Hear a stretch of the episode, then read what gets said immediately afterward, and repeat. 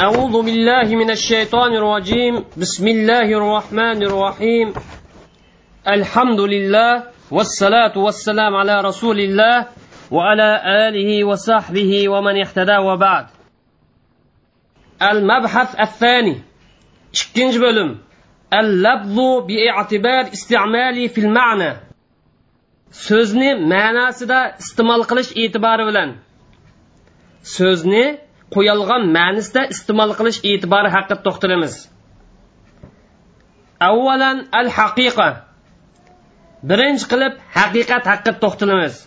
Birinchi qilib so'zning asli ma'nisi haqida to'xtalamiz. So'z qo'yilgan ma'nida iste'mol qilish yo qo'yolmagan ma'nida iste'mol qilish e'tibori bilan to'rt turga bo'lindi. Birinchisi haqiqat ikkinchisi majoz ko'chirmani. Uchinchisi hukm aniq bilinigini. To'rtinchisi kinoya. Haqiqat deganimiz so'z nima uchun belgilangan bo'lsa nima uchun qo'yilgan bo'lsa shuni ishlatganni haqiqat deymiz. So'z tilshunoslar tarafidan nima uchun qo'yilgan bo'lsa bu haqiqatdir. Majoz deganimiz so'zni qo'yilgan ma'ni uchun emas boshqa bir ma'ni uchun ishlatgan bo'lsa buni majoz deymiz.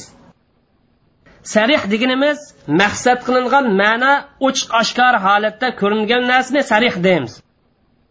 Ya'ni maqsad qilingan ma'no ko'p iste'mol qilinganlik e'tibori bilan ochiq oshkor bo'lgan narsani sarih deymiz. Kinoya deganimiz maqsad yushiringan so'zni kinoya deymiz. Kinoyada qarin bo'lmasa alomat bo'lmasa dalil bo'lmasa maqsadning nima ekanligi tushunilmaydi. Biz tuvanda bu atalg'ularning har birisi to'g'riliq qisqacha to'xtalib o'tamiz. Al haqiqa al haqiqa labzul mustamal fima wudi'a haqiqat deganimiz tilshunoslik tarafidan nima mazmun uchun nima maqsad qo'yilgan bo'lsa shuni ishlatilgan so'zni haqiqat deymiz. Haqiqat bir necha qism bo'lindi. Haqiqat ba'zi til jihatdan haqiqat bo'ladi ba'zida shar'iy jihatdan haqiqat bo'ladi. Ba'zida urfiy jihatdan haqiqat bo'ladi til jihatdan haqiqat deganimiz tilshunoslar qartilgan. Ya'ni tilshunoslar tarafidan ifodalashga qo'yilish qartilgan. Shar'iy haqiqat deganimiz shariat tarafidan iste'mol qilingan atalg'u. Urfi deganimiz mayli xos urf bo'lsin yoki umum urf bo'lsin urfga nisbat berilgan so'zdir. Til jihat haqiqat deganimiz tilshunoslar tarafidan nima mazmun uchun qo'yilgan bo'lsa shuni iste'mol qilingan so'zni til haqiqat deymiz. Masalan quyosh oy yulduz desak muz so'zlar hammalarga tonishliq bo'lgan yorug'lik chiqarib turadigan osmon jismlari uchun qo'yilgan. Shar'iy haqiqat deganimiz shar'iy ma'nisida qo'llanilgan so'zdir. Ya'ni alloh subhanava taolo irod qilgan ma'nida iste'mol qilingan so'z. Masalan namozga o'xshash. Namozning lug'atlik ma'nosi boshqa shar'iy ma'nosi boshqa. Hajga o'xshash lug'atlik ma'nosi boshqa shariatlik ma'nosi boshqa. Zakotga o'xshash. Bu hammalar tonishliq bo'lgan maxsus ibodatlar uchun qo'llanilgan. Yana shundoqlam zivoj to'y qilish taloq xul'i. Xul'i deganimiz er ayol kelisholmasa chiqisholmay qolib qolsa oxirida amal topolmay qolib qolsa ayol kishi erini rozi qilish orqali ajrashib ketadigan usul. Zivoj taloq xul'i deganimiz shar'iy mazmunlar uchun shar'iy ma'nolar uchun qo'yilgan so'zdir. Buning hammasi shar'iy haqiqatdir. Urfiy haqiqat deganimiz urfiy jihatdan qo'llanilgan so'z ya'ni urfiy jihatdan iste'mol qilingan so'z. Mayli bu urf umum urf bo'lsin millat xarakterlik ummat xarakterlik. Yoki bo'lmagan bo'lsa muayyan kasb egalari xos bo'lsin. Yoki muayyan fan xos bo'lsin buni urfi deymiz. Urf ikki xil bo'ladi urf xos deganimiz hunavallar ichida maxsus bir hunavallar ichida yoki maxsus fan ichilik atalg'u umum urfi deganimiz millat saviyasi bo'yicha ummat saviyasi bo'yicha o'rtaq ishlatiladigan urfini urfi am deymiz. Masalan sayyora degan so'zni misolga olib aytsak umum urf buni hozir hammalar tanishliq bo'lgan mashinadan iborat qatnash vositasiga qo'llan. Bo'lma sayyorni lug'atdagi ma'nosi qavm yo karvon degan ma'noda edi. Bugungi kunlikda mashina deb qo'llanildi. Mana buni urf am deymiz. Dabba degan so'zni olib aytsak kunlikda to'rt putli hayvonga ishlatilmoqda. Aslida dabba deganimiz zimida midirlaydigan jonivor hammasiga qo'llanadi ikki putliq bo'lsin bir putliq bo'lsin sakson putliq bo'lsin an xos o'rpi deganimiz vina egillarininki o'rpisi yo ma'lum pandiki o'rpiga o'xshash.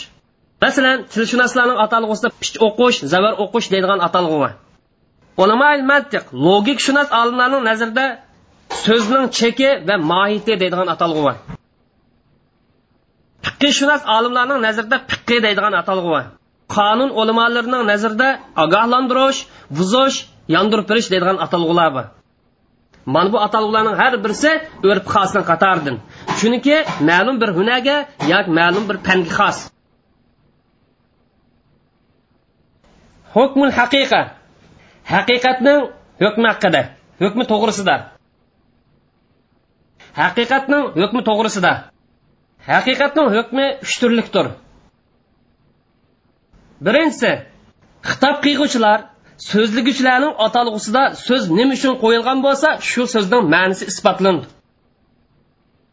Ya'ni kishilarning atalg'usida ya'ni kishilarninki normal suhbatlarda nima uchun qo'yilgan bo'lsa shu mazmun iste'mol qilindi. Haqiqatning ikkinchi hukmi va adam intifoy anhu. Haqiqiy ma'nisi so'zdan yo'qolmaydi haqiqiy ma'nisi nimani ko'rsatsa shu mazmunni ifodalaydi ham hukm shuning chetilidi shuning asosan bir odam zaydning bolasiga ming tilla beringlar deb vasiyat qilgan bo'lsa vasiyat shu zaydning bolasi bilan isbotlan boshqalarni ko'rsatmaydi. Chunki zaydning bolasini uning bolasi emas deyolmaymiz. Ya'ni zaydning bolasi dal shuning bolasi. Mana bu haqiqat.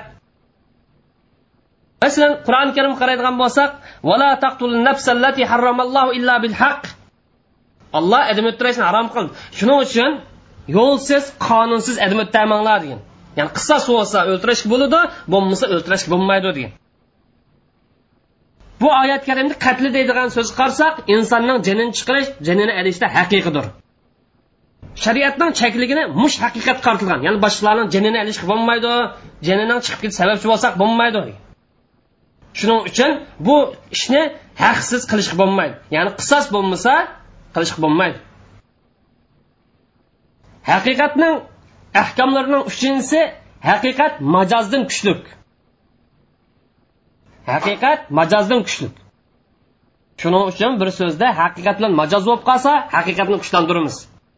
Ya'ni so'zni haqiqat tarafiga olib borgani mumkin bo'lib qolsa haqiqat tarafini jonlantiramiz.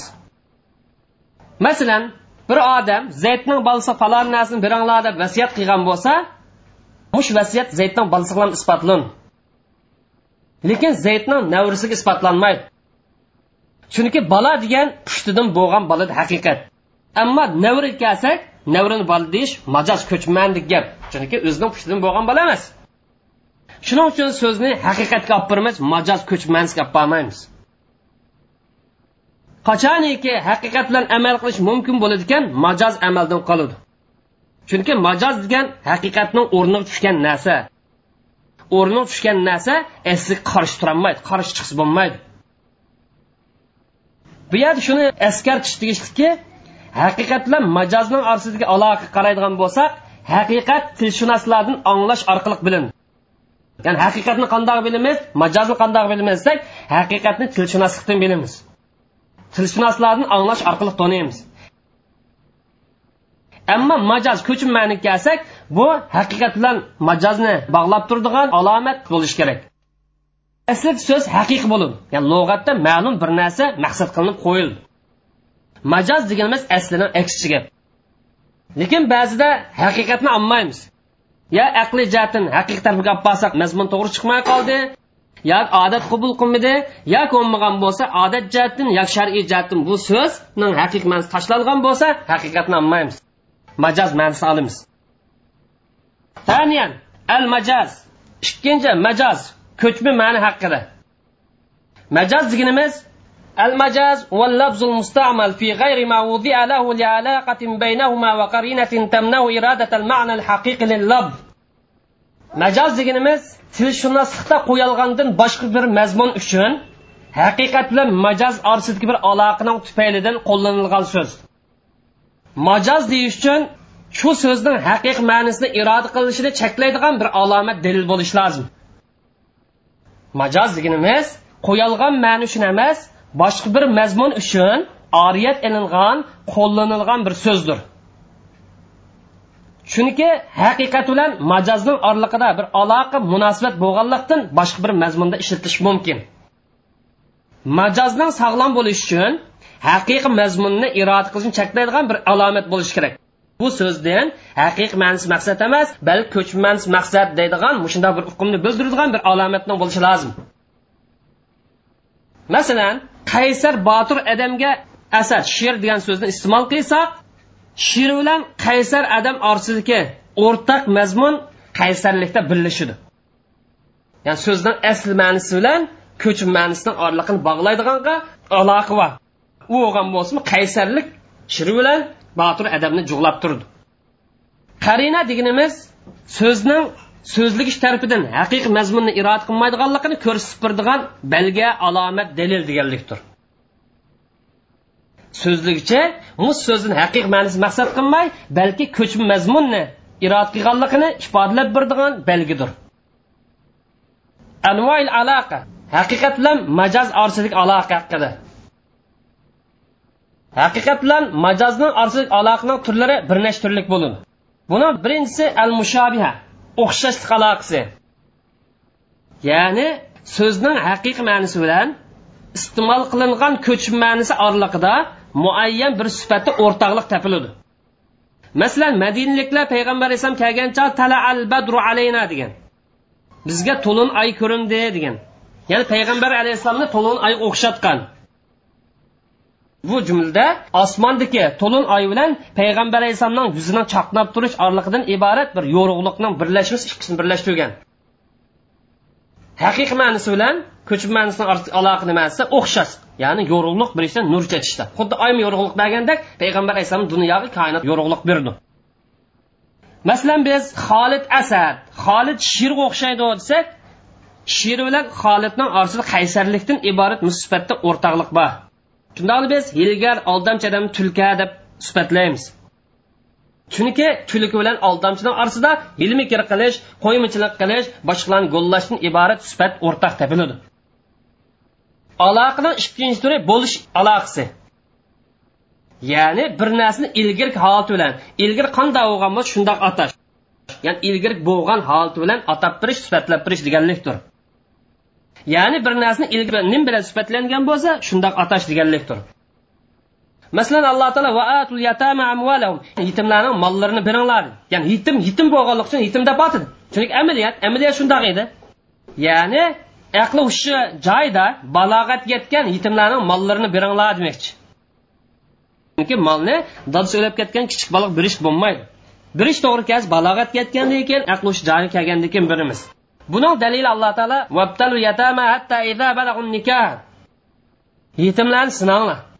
Bular nikoh qilish yoshiga balog'at yoshiga yetgan vaqtida bulardan aqli hushi joyida ishlaydiganligini his qilsanglar mollarini qaytarib beringlar topshirib beringlar degan edi. Ya'ni yetim ilgari yetim bo'lish e'tibori bilan ataldi. Aloqaning uchinchi turi aylula bo'lish ehtimoli o'zgarish ehtimoli ya'ni sayrura ma'nosida. Ya'ni bir narsani kelgusida nimaga aylanadigan bo'lsa shu narsa bilan atash. Ya'ni bir narsani bundan keyin o'zgarmoqchi bo'lgan aylanmoqchi bo'lgan narsa bilan atash. Masalan alloh taolo yusuf alayhissalomniki turmadagi hamrohidan naql keltirib mundoq deydi. Inni aroni asiru hamro yusuf alayhissalomniki turmadagi hamrohi yusuf alayhissalomga tushini so'zlab berib man tushimda haroqni siqib tush ko'rabdiman degan edi. Bir odam aroqni siqmaydi. Aroq degan suyuq narsa siqishni qubul qilmaydi. Ya'ni demoqchi o'g'ini man uzumni siqsam aroq bo'pti demoqchi ya'ni uzum siqdim deganni o'rniga aroq siqdim deb atagan. Chunki uzumni siqsa aroq bo'lganlik uchun aloqaning to'rtinchisi istidod tayyorlik aloqasi. Ya'ni bir narsani shu narsada muayyan ta'sirni paydo qilishga iqtidor kuch quvvat bo'lgan bo'lsa shuni bilan atash. Masalan biz assumu mumit. Zahar edim o'ttirdi deymiz. Zaharni mumitlab deb qo'yamiz. Ya'ni zaharni edim o'ttirdi deymiz. Chunki zaharda edim o'ttirishdan iborat qobiliyat iqtidor tayyorlik bor. Ya'ni uni o'ttirish iqtidor bor demakchi aloqaning beshinchi aloqasi hulul tushish aloqasi. O'rinni egallash aloqasi. Ya'ni o'rinni maqsad qilib uningda sharoitni maqsad qilish. Masalan alloh taolo vasalil qarya yizdan so'rab boq dedi ya'ni yizdan o'zidan so'rag'inmaydi shani o'zidan so'rag'inmaydi ya'ni shalikdan yizliqdan so'rab boq demakchi alloh taolo bu yerda o'rinni maqsad qilib shulik sharoitni ko'zladi. Alloh taolo bu yerda o'rinni bayon qilib sharoitni ko'zladi. Yana bundan o'xshash misol jaran nahru o'stan oqdi desak o'stanni o'zi oqmaydi. O'stan oqmaydi balki o'stanni suvi oqidi aloqaning oltinchi turi al juziya va aksuha tarmoqliq va tarmoqliqdan aksi.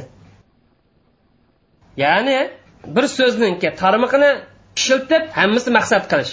Bir so'zningki umum mazmunni iste'mol qilib shundan bir tarmog'ini maqsad qilish deganlikdir. Ya'ni bir so'zning tarmog'ini ishiltib hammasini maqsad qilish va hammasini ishiltib shundan tarmog'ini maqsad qilish deganlikdir. Birinchisi misoli ya'ni qarmoq so'zni iste'mol qilib hammasini maqsad qilish deganning misoli alloh taolo fakku raqaba bo'yanni ozod qilish deb atagan raqaba degan bo'yan ma'nosida tarmoq so'z ya'ni insonni bir qismi. Yana alloh taolo kaffarata zihar zihar kaffaratida fatahrir raqaba bo'yanni ozod qilish deb atagan bo'yandan maqsad ya'ni qulninki o'zi qulning shaxsiyati demakchi chunki bo'yansiz inson inson bo'lmaydi. Demak yana fakku raqabata shu shaxsini bo'yanni o'zi maqsad emas balki qulni to'liq ozod qilish deganlikdir. Yana buni misol tabbat yada abi lahabi va tab. Abi lahabning ish qo'li qurib ketsin dedi qur'oni karim bu yerda abi lahabni ish qo'lini ishlatib hammani maqsad ya'ni abu lahab butun vayron bo'lsin butun qurib ketsin butun hilak bo'lsin dedi. Qo'llam qurib qolgan yer to'xtab qolsin degan emas majoz bor. Ikkinchisi misol so'zni umum iste'mol qilib tarmoqni maqsad qilish. Buni misol alloh taolo qur'oni karim mundoq deydi. Ular barmoqlarining hammini quloqlariga salib oladi degan. Asobining ma'nosi anomil ma'nosida. Alloh taolo bu umumni ishlatib tarmoq maqsad qildi. Chunki besh barmoqni bir quloq tang patug'ini bo'lmaydi. Ya'ni haqiqatni olmas uchun bular barmoqlarini quloq selib oldi degan maqsad bir barmoqni soldi demakchi yettinchi sabablik aloqasi. Ya'ni sabab iste'mol qilinib maqsad iroda qilin. Yoki bo'lmagan bo'lsa natija so'zlanib sabab maqsad qilin. Birinchisidan misol ya'ni sababni iste'mol qilib maqsadni ko'zlash. Ya'ni sababni bayon qilib maqsadni ko'zlash. Masalan ba'zanlar falon akala dama ahi paloni qarindishini qinini yevoldi? desak ya'ni ditini yevoldi deganlikdir. Ya'ni qarindosh o'lib ketsa shu o'lib ketganlikning badliga to'langan diyatni yevoldi demak bir odam qarindishini qinini yemaydi. Chunki qonni to'kash diyatdan sababi ya'ni qon to'kilganlik uchun diyat to'laydi. Birsiniki oksi inisi o'lib ketgan bo'lsa qarindoshlari mush diyatni olishga haqliqdir. Ya'ni bu yerda sababni bayon qilib maqsad ko'zlandi. Qondan to'kilganlik diyatni sababi. Shu paloni paloni qinini yevoldi desa ya'ni uning diyatini yevoldi to'limini yevoldi deganlikdir. Ikkinchisining misoli. Natijani bayon qilib sababni ko'zlash sababni maqsad qilishdir. Masalan a kishi ayoliga iddat tutqayin desa iddat tutqayin deb taloqni maqsad qilgan bo'lsa bu natijani bayon qilib sababni ko'zlaganlikdir. Chunki iddat tutishning sababi taloqdir. Ya'ni taloq bo'lsa andin iddat tutadigan gap. Bu yerda natijani bayon qilib sabab maqsad qildi ya'ni iddat tutib olgin degani ya'ni sen taloq bo'lding demakchi. Agar majozning haqiqat bilan bo'lgan aloqasi o'xshashlik aloqasi bo'lib qolsa buni istiora deymiz. Hamda majozning haqiqat bilan bo'lgan aloqasi o'xshamaydigan aloqa bo'lib qolsa buni majoz mursal deb ataymiz. Anvaul qarina. Qarinining turlari alomat dalilninki turlari. Biz yuqorida majozning majoz bo'lish uchun haqiqiy ma'nini iste'mol qilishdan haqiqiy ma'nini ko'zlashdan cheklaydigan bir dalil bo'lishi lozim qarini bo'lishi lozim degan edik. Majoz sog'lom bo'lish uchun so'zningki haqiqiy ma'nosini iroda qilishni cheklaydigan bir qarina bo'lishi lozim degan edik. Mush qarinning turlari haqida to'xtalamiz. So'zning haqiqiy ma'nosini iroda qilishini cheklaydigan qarinlar turlik bo'ladi. Birinchi hissiy qarina. Masalan bir odam man bu daraxtni yedim desa ya'ni bu daraxtni mevasidan yedim deganlik bo'ladi. Chunki his tuyg'u daraxtning dal o'zini daraxtning shexini yeyishni cheklab ya'ni daraxtning o'zini yeyishni daraxtning shexini yeyishni iroda qilib cheklab ikkinchisi odatdagi qarina yoki bo'lmagan bo'lsa sharoitni ifodalab turadigan qarin qanday maqsad qo'shma dalil? Yoki dalil ma'nosi ya'ni odat bo'yicha yoki sharoit bo'yicha dalil demoqchi. Ya'ni sharoit cheklaydi yoki odatmi cheklaydi masalan a kishi ayolga ayol uydan chiqmoqchi bo'lib qolsa erining chiqog'isi yo'q ekan chiqishdan cheklamoqchi ekan. Er ayol bu vaqtda agar sen uydan chiqib ketsang sen taloq degan bo'lsa a kishiniki bu so'zi shu sharoitni o'zi qartildi boshqa vaqt qartilmaydi mush vaqtni o'zida bugun kunlik ya soat manchidan manchiga chiqsang taloq deganlikdir. Boshqa vaqt chiqsang taloq bo'lib ketsan deganni ko'zlamaydi maqsad qilmaydi. Ya'ni sharoit ifodalab turdi chunki inson uydan chiqishiga majbur normal ish. Uchinchisi qarina shar'iya shar'iy dalil. Bu husumat masalasida jidal majro masalasida sud masalasida biraylarni vakil qilganga o'xshash. Ya'ni jidal majro masalasi biraylarni vakil qildi deganlikdan maqsad ya'ni da'vogarninki davosiga javob bergan. Sud oldida da'vogarninki hujjatlari bilan taqobil turishga bir odamni vakil qilish deganlikdir. Qandoqdir buning ma'nisi husumatchiga qarshilash husumatchi bilan dushmanlash deganlik emas. Ya'ni buningdan haqiqiy ma'nosi ya'ni husumatlar jidallish degan ma'nosi maqsad qilinmaydi. Chunki boshqalar bilan jidallashish husumatlashish chekidan e, shar'iy jihatdan cheklandi shundoqla qur'oni karimda muzakkar siyg'isi bilan kelgan umumni so'zlarimi? Mana bu qarina shar'iyni qatoridan. Masalan alloh taolo ya ayyuhallazina amanu ey mo'minlar bu muzakkar muannaslikka o'rtaq iste'mol qilindi chunki shariatda taklifotni hammasi erlar ayollar o'xshash bo'lganligi uchun garchi shariatlik so'zlar muzakkar siyg'isi bilan kelgan bo'lsinmi muannas maqsad qilindi. Muannas shuni qatori kirgizildi. Nima uchun muzakkar ma'nosida ilib erlar xos qilmaymiz ayollarni qo'shib olamiz nima daliling desa chunki shar'iy pokat bunchakdan. Shar'iy pok deganimiz taklifotniki er ayollarga o'xshash bo'lganligida. Shuning uchun qur'oni karim xitob muzakkar siyg'isi bilan bo'lgan bo'lsinmi muannas bo'lgan ayollarni tabiiy holatda o'z ichiga olib ketadi. Hukmul majaz. Majozning hukmida ikki narsa bor birinchisi so'zning ko'ch ma'nisi isbotlan hukm shu bo'yicha chetiladi. Masalan alloh taolo sizlardan biringlar cho'ng tarafdan kelsa dedi. G'oib degan so'zdan maqsad shariatning ko'zligini cho'ng taraf maqsad. Buning haqiqiy ma'nisi past o'rin adam xotirjam o'ltira oladigan o'rin deganlikdir. Ya'ni asli ma'nosi maqsad qilinmadi bu shar'iy ma'nosi maqsad qilindi. Ya'ni majoziy ko'chma ma'nosi isbotlandi bunga hukm isbotlandi hukm chetildi deganimizdan maqsad agar bir odam suv topolmay qolib qolsa namoz o'qimoqchi bo'lib qolsa tayammum qiladi deganlikdir. Yana buning misoli alloh taolo degan. Agar sizlar ayollarni tutgan bo'lsanglar degan. Bu yer mulamasa degandan maqsad ko'chmas maqsad ya'ni ko'chmas jima maqsad ya'ni ayollaringlar bilan jima qilgan bo'lsanglar demakchi bu yerda lamasaniki lug'atdagi haqiqiy ma'nosi maqsad emas. Lug'atdagi haqiqiy ma'nosi qo'li bilan tutish.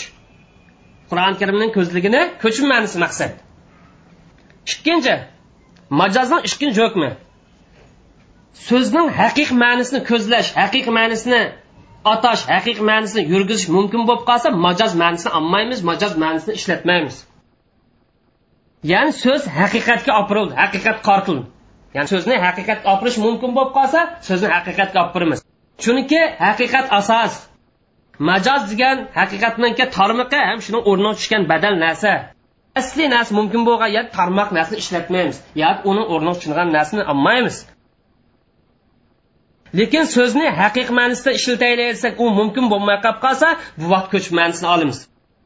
Chunki so'zni ishlatganlik sal qarag'anlikdan afzal deydigan qoida bor. Chunki so'zni ishlatish so'zga sal qarag'anlikdan afzaldir. Shuning asosan bir odam zaydning bolasiga ming tilla beringlar degan bo'lsa bu so'zni haqiqat ma'nosida olib beramiz ya'ni bola deganni zaydning dil pushtidan bo'lgan bolasi qartimiz shuning uchun vasiyat zaydning pushtidan bo'lgan bolaga qartildi agar zaydning pushtidan bo'lgan bolasi bo'lmasa qaraymiz agar uni navrisi bo'lib qolishi desa u vaqtda navrisiga olib boramiz. Navrisini bolasi deganlik ko'chmanli gap majozli gap. Navrisini bola deganlik bu ko'chmanli gap. Am bu yerda haqiqiy ma'niga olib borish tas bo'lib qoldi. Ya'ni zaydning amaliyat bolasi bo'lmaganligi uchun haqiqatni iste'mol qilish haqiqatni ko'zlash tas bo'lganligi uchun majoz ma'nisini iste'mol qilamiz. Hamda zaydniki pushtidan bo'lgan bolasimi yo'q ekan? Yo navrisim yo'q ekan? Yo bolasim yo'q ekan? Faqat balish yo'q ekan bu vaqtda bu so'zni amaldan qoldirib o'tamiz tashlab o'tamiz chunki bu so'zni yo haqiqatga olib borgani bo'lmaydi yoki ko'chmanda iste'mol qilgani bo'lmaydi. Masalan so'zni iste'mol qilmaslik so'zga sal qarash deganlikning misoli agar bir odam o'zidan yesh cho'ng bir odamni mening balam deb davo qilgan bo'lsa buni amaldan qoldirib turibmiz ishlatmaymiz. Qandoq bo'lib yesh kichik odam o'zidan yesh cho'ng odamni bolam deyalisin al jamu baynal haqiqati val majaz. Bir so'zni haqiqiy ma'nosi bilan majoz ma'nosini birlashtirib ishlatish mumkinmi mumkin emasmi? Birlashtirish bo'ladimi bu hanifiy mazhabda va bu hanifiy mazhab qo'shilganlarning ko'z qarashida bir so'zning haqiqiy ma'nosi bilan ko'chma ma'nosini bir vaqtida tang iste'mol qilish bo'lmaydi. Masalan la taqtulul asad sherni o'ttama degan bo'lsa buningdan bu so'zda bir vaqtning o'zida yirtqich hayvon sifatli sherni ya'ni shu vaqtning o'zida botir qaysar odamni tang maqsad qilish mumkin emas. Lataqtul asad desa bunidan darhol odamning kallasiga kelgan mazmun haqiq ma'nosi maqsad qilin ya'ni yirtqich hayvon bo'lgan sherni o'ttama deganlik bo'ladi. Agar haqiqiy mazmunni emas ko'chim mazmunni iroda qilganligiga dalil pok turg'izilsa u vaqtida mush ko'chim ma'nini iste'mol qilish muayyanlashidi haqiqiy mazmunni iroda qilish cheklandi ya'ni saroyda uyda mali she'r bo'lmasa ma she'rni o'tda emas. Haqiqiy yirtqich she'r qartilgan bo'lmaydi balki palvon botir odam maqsad qilingan bo'ladi. Bu hanifiy mazhabning ko'z qarashi. Yana bir turlik olimlar bir so'zning haqiqati bilan majozdan iborat ikki ma'nosini tang qo'llansak bo'ladi deb qardi bu shofiy mazhabning ko'z qarashi bular misol keltirib nisa deganni dil keltirgan. Chunki la masani jumog'im jimog'im mangidi ham qo'li bilan tutib qo'yish qilmadi shu ishkili ma'nosi maqsad degan misol keltirgan. To'g'risi hanifiy mazhabning ko'z qarashi to'g'ri jonliq bu temada askar tushib tegishli bir masala. Yajuz istimalil lafz fi ma'na majazi yandariju tahtahu al-ma'na haqiqiy. bir so'zning haqiqiy ma'nosi ko'chim ma'nosining ichi kirib ketadigan bo'lib qolsa bu vaqt bu so'zni ishkili ma'nosida tan ishlatish durust. Buni olimlarimiz umumil majaz majozning umumiligi deb ataydi. Bu vaqt mumkin. Ya'ni olimlar orasida ittifoqga kelgan bir masala. Bir so'zni majoz ma'nosida ishlatsak bo'ladi qachon desa ya'ni haqiqat majozning bir tarmog'i bo'lgan bo'lsa umum majoz e'tibori bilan majozni maqsad qilsak bo'ladi haqiqatni maqsad qilsak bo'ladi degan. Umum ma'nosi maqsad qilsak haqiqatni ham majozni tang o'sishga olgan bo'ladi. Ya'ni olimlar ittifoq kelgan narsa haqiqiy ma'nosi ko'chma ma'nosini ichiga kirib ketadigan bo'lsa bir so'zni haqiqiy ma'nosida ham ko'chma ma'nosida iste'mol qilish durust deydi. Umumil majoz degan nima degan gap? Hanifiy mazhab agar majoz umum so'z bilan kelgan bo'lsa majoz umum bo'ladi deb qaraydi. Hanifiy mazhab agar majoz umum so'z bilan kelgan bo'lsa bu majoz umum bo'ladi. Haqiqatga o'xshash deydi ya'ni haqiqatdan umum qasd bo'lgandek majozim umumliq bo'ladi chunki umumliq taqozo qilib buni cheklaydigan hech qanday omil yo'q deb qaraydi. Ham shofiy mazhabning ba'zilari majoz umum bo'lmaydi umumlikni ifodalayolmaydi faqat bir tarafini ifodalaydi deb qaraydi. Shuning uchun shofiy mazhab bir so'zningki majoziy ma'nisiga ya'ni ko'chma ma'nisiga bo'lgan dalolati zo'rurlikdan kelib chiqqan dalolat.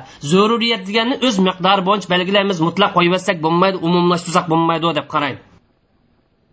Hanifiy mazhab so'zningki majoziy ma'nosi bo'lgan dalolatni zo'riyatning bobidan deb qaramaydi zo'rlikdan kelib chiqqan emas balki bu haqiqatga o'xshash so'zni ifodalash yo'llarining birisi. Shuning uchun umum majoz desak bo'ladi deb qaraydi. Masalan hurrimat alaykum ummahatukum degan oyat karimdagi ona degan so'zni jin onaga olib borsak bo'ladi? Ya'ni tuqqan onaga olib borish mumkin ham cho'ng onani ona deyish mumkin.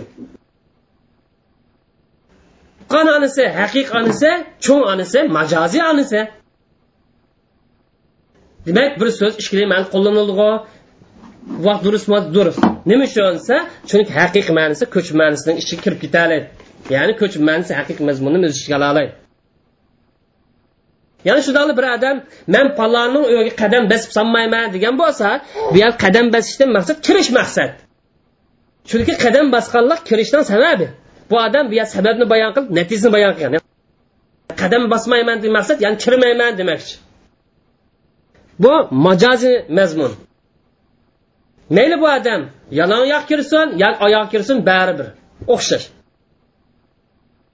Shuning uchun majozning umumligi bilan bu yer gunohkor mayli oyoq kiyib kirsin yoki yalon oyoq kirsin qasam qilgan bo'lsa kirib qolib qolsa gunohkor bo'ladi va kapparat berish kerak. Bu yerda haqiqat bilan majozni birlashtirdik deb qaramaymiz. Ya'ni umumiy majozni ko'z tutamiz. Umumiy majoz bo'yicha ish qilamiz. ثالثا الصريح والكناية sarih deganimiz maqsad o'z o'zligidan ko'p iste'mol qilinganlikdan to'liq oshkor bo'lgan so'zni sarih deymiz mayli bu so'z haqiqiy bo'lsin yoki majoz bo'lsin mayli haqiqat bo'lamdi mayli majoz bo'lamdi ma'nosi ochiq oshkor bo'lgan ro'shan bo'lgan yani ko'p iste'mol qilinganlikdan ma'nosi to'liq oshkor bo'lgan so'zni sarih deymiz Masalan haqiqatdanki ochiq bo'lgan anta toliq desa san taloq qilindi desa bu so'z shar'iy haqiqat. Ya'ni nikohninki amaldan qoldiganligida shar'iy haqiqat bo'lib gap aniq ro'shan chunki bu so'z taloqni ifodalash asl so'z. Shuning uchun sarih so'zdan qatardi ikkinchisi misoli ya'ni majozninki ochiq bo'lgani alloh taolo vaqtda vasal qariya yuzdan so'rab boqdi bu gap majoz bo'lsin lekin mazmun aniq chunki bu yerda maqsad yuzdan so'ra shahardan so'ra maqsad emas balki shu yer yashaydigan odamlardan so'ra demoqchi qur'on ekan qariya degan so'z kelgan bo'lsa yizm maqsad qilindi shahar maqsad ko'pincha davlat maqsad qilindi. Ya'ni shunday bir odam vallohi la akul min hazi shajra man bu daraxtdan zod yemayman degan bo'lsa bumi dongliq majoz gap. Ya'ni haqiqiy ma'nosi iste'mol qilinmaydigan ko'p iste'mol qilingan majoz gap. Chunki daraxtning o'zini yeyish odat tas mumkin emas. Shuning uchun bu yer daraxtning mevasini yeyish degan maqsad qilindi gapni shu yerga olib boramiz. Hukmi sari aniq so'zning hukmi haqida. Aniq so'zning hukmi hukmi sarih deganimiz aniq so'zning hukmi niyatsizlam isbotlandi ya'ni bu so'z mayli haqiqiy bo'lsin mayli majoz bo'lsin. So'zlan islom din islom buni hukmi taqozzos monaman deb isbotlandi niyatga muhtoj bo'lmaydi. Ya'ni shar'iy hukm ya'ni mush so'zga bog'langan shar'iy hukm so'zlash orqali ham tildan chiqish bilan isbotlandi bu yer so'zilgan odam shuni ma'nisi irod qilgan bo'lg'imiti irod qilmagan bo'lg'imiti niyat qilgan bo'lgan qilmagan uni qarab o'tolmaymiz. Mayli haqiqiy bo'lsin mayli majoz bo'lsin gap aniqlan bo'lib qolsa buni taqazzosi hukmi isbotlandi ya'ni shu so'zning hukmi degan odamning niyati qarab o'tolmaylam isbotlandi mayli odam shuni ma'nisi niyat qilgan bo'lsin mayli niyat qilmagan bo'lsin. Ma'nisi oshkor bo'lganlik uchun ro'shan bo'lganlik uchun. Ya'ni boshqa bir mazmunni ifodalash ehtimolli topilmaydiganlik uchun. Masalan taloq degan so'zni misolga olsak alloh subhanava taolo taloq degan so'zni er ayollarni ayrilib ketishidan sabab qilib belgildi shuning uchun san taloq degan bo'lsa mayli bir odam niyat qilgan bo'lsin yoki niyat qilmagan bo'lsin taloq tushaverdi chunki taloq degan so'z taloqni ifodalaydigan aniq so'z. Chunki taloq degan so'z taloq yuz berishda aniq so'z. Shuning uchun qozi mus so'zniki zoirga asosan hukm chiqirdi ya'ni bir odam taloqlam degan bo'lsa mayli taloq qilish niyat qilgan bo'lsin niyat qilmagan bo'lsin taloq bo'lib ketadi. Shundoqlam bayi degan so'z bayi ilm satim degan so'zga ikki tarafdan qubul qilish birlashsa shariat buni setilgan narsaning igdorchiligining setvoga odamga qilganlikning sabab qilib belgil. Ya'ni qubul qilish ikki taraf tang bo'lib qolsa mol mulkning igdorchilik sotquchining setvoga odamga yo'tkiladi bu hukm ilm satimni e'tibor qilishning to'liq shartlari topiladi ekan qubul qildim degan zimatlan bu hukm isbotlandi mayli ilm sotquchi so'zilgan narsaning ma'nisini irod qilsin irod qilmasin niyat qilsin niyat qilmagan bo'lsin qat'iy nazar. Chunki olimlarimiz orasida gap so'z aniq bo'lgan yerda gapning hukmini e'tibor olmaymiz degan so'z mashhur. Ya'ni la ibrata dalala fi muqobilati tasrih deydigan so'z bor al kinoya kinoya deganning lug'atlik ma'nosi bir so'zni so'zlab uningdan boshqa bir mazmunni irod qilish deganlikdir. Kinoyaniki atalg'udagi ma'nosi maqsad qilingan ma'no iste'mol qilish e'tibori bilan yushiringan so'zdir. Maqsad qilingan ma'noninki iste'mol qilishda yushrin bo'lish.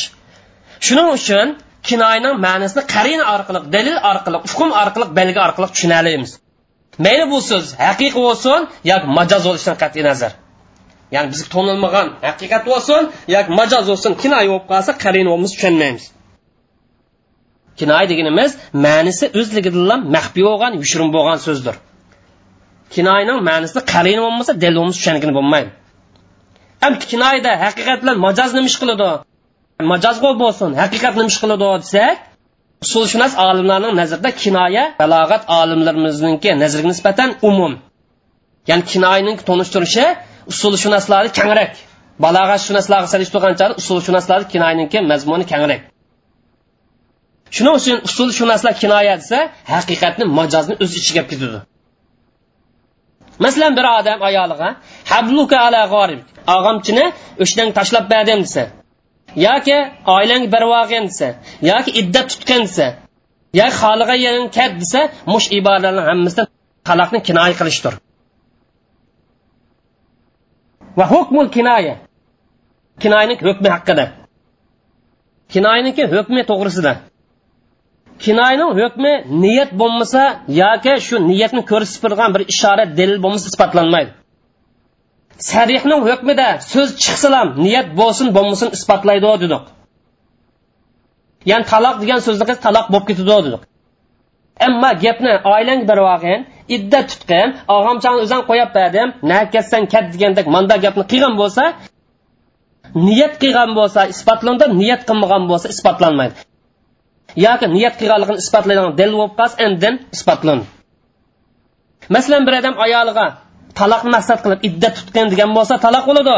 Agar taloqni maqsad qilmay iddat tutib olgan degan bo'lsa taloq bo'lmaydi yoki bo'lmag'an i'tadi degan gapini iddat tutib olgan degan gapini ayol meni qo'yappa meni taloq qilib ajrashib ketish talab qilavergan degan bo'lsa aninkanda taloq bo'ladi. Bo'lmasa taloq bo'lmaydi. Ya'ni bir odam ayoliga onangni uyga ket yo san man harom degan bo'lsa taloq bo'lmaydi. Taloq qilishni niyat qilmagan bo'lsa taloq tushmaydi. Yoki bo'lmagan taloqni niyat qilganligi pok bo'lgan bo'lsa endin bo'lmasa tushmaydi. Chunki kinoya so'zning hukmi so'zilgan odamning niyati orqali yoki sharoitniki dalili orqali isbotlan bo'lmasa isbotlanmaydi. Kinoyaning hukmlarining qatoridan kinoya so'z qilgan vaqtida shubihi ishlar cheklandigan yerda hukm isbotlanmaydi. Ya'ni islomninki jinoiy ishlar qonunida shubhi topilib qolib qolsa gumon topilib qolib qolsa jazo berish bo'lmaydi deydi shunga o'xshash jinoiy ishlar kinoya qilingan bo'lib qolsa bu kinoyaning hukmi isbotlanmaydi. Masalan tuhmat qilishninki jazosiga o'xshash. Agar bir odam yan birisiga man zinoxo emas ya'ni boshqalarni tani qilib man zinoxo emas degan bo'lsa uning jazo berilmaydi. Chunki bu yer zino qilgan bo'lishi mumkin qilmagan bo'lishi mumkin. Ehtimollik bor. Shubi bor shubi bo'lganlik uchun bu jazo berilmaydi. Biz buni haddil qaz tuhmat qilgandan jazosi deb e'tibor qilib turib uni qaz tuhmat chaplash deb qaramaymiz. Chunki kinoya bilan deyilgan gap. Demak bundan maqsad yushron shubi shubiva ham bu degan odamdan shubi topilganlik uchun tuhmatniki jazosi ustida jazoni amaldan qoldirib o'tamiz. Bu darsni maqsad nima desa qur'oni karimda va hadis sharif majoz bormi yo'qmi majoz kelganmi kelmaganmi demoqchi. Ko'pchilik olimlar arab tilida qur'oni karimda va hadis sharifda to'g'risini qilib aytganchalik kuchlik tarafini qilib aytganchada majoz yuz bergan. Qur'oni karimda majoz va hadis sharif majoz va deb qarang. Mana bu gapniki javeri. Oz bir qismdagi olimlar majoz yo'q dedi bular e'tiborga ilinmaydi chunki bularni soni bek oz. Ham dalilim ojiz. Yuqorida biz keltirgan misollarni hammasi oyat bilan isbotlangan demak majoz qur'oni karimda hadis sharif topiladi. Bu majozning sababi nima? Majozning illat nima? Foydasi nima deyishimiz mumkin? Majozning sabablari yo so'z tarafdan bo'ladi yoki ma'naviy tarafdan bo'ladi. So'z tarafdagi illatlar ko'p. Masalan so'zni majoz bilan ifodalasa haqiqiy ma'nosida ifodalgandan muloyimroq bo'lishi mumkin. Masalan qabristonliq deganni o'rniga bog' deb ifodalagan bo'lsa gap chiroyli chiqadi. Yana shundoqlam balog'at ilmul badiy usul tiboq jinos muqobil deydigan yerdagi muhassinatul badiiya deydigan yerda ko'pincha majozni ekkaganlik haqiqiy ma'nosini maqsad qilganlikdan go'zal holatni shakllantirib berdi. Ya'ni majozning sabablaridan birisi ma'naviy sababim bor. Ma'naviy sabablar yomon ko'p. Masalan gapni majoz bilan ifodalaganlik haqiqat bilan ifodalaganlikdan afzal bo'lishi mumkin. Qachon desa bir odamni ulug'lamoqchi yoki bir odamni qadr qimmatini tushunmoqchi bo'lgan chog yoki bir ish qiziq tutmoqchi yoki hukutmoqchi bo'lgan chog'da haqiqatni degandan ko'ra majoz bilan ifodalasa gap jonliroq bo'ladi. Masalan bir odam olim haqida bu abu anifa o'xshaydigan odam abu anifani o'zi bu. Mal aplaton desak u odamni ulug'laganlik maqtaganlik chiqadi. Nodon savodsiz demak bu hayvon bu. Yoki himor deb qo'ysa eshak desak bu odamni tahqir kamsitganlik haqoratlaganlik chiqadi. Demak mazmun taqimmi jonliq ifodalandi dud degandan bakrak himor desak taqimmi qattiq tugidi ichimlik to'g'risida bu ichimliklar deb qo'ymay bu obiy hayot suvi hayotlikning javhiri desak taqimmi gap jonliq chiqadi. Suv targ'ib qilish chiqadi. Yemak ichmak haqida biror yemaklik haqida biror tomoq haqida bu zahar bor. Buni yeyish bo'lmaydi desak bu tomoqdan boshqalarni yukitish maqsad qilin demak mushundoq majozni qo'llanganlik ba'zi yerda haqiqatni qo'llanganlikdan afzal ham jonliq hukmni berdi. Mana bu bu darsni bayon qilishdagi maqsad shundan iborat. وآخر دعوانا الحمد لله رب العالمين وصلى الله تعالى على خير خلقه أجمعين. ربنا آتنا في الدنيا حسنة وفي الآخرة حسنة وقنا عذاب النار.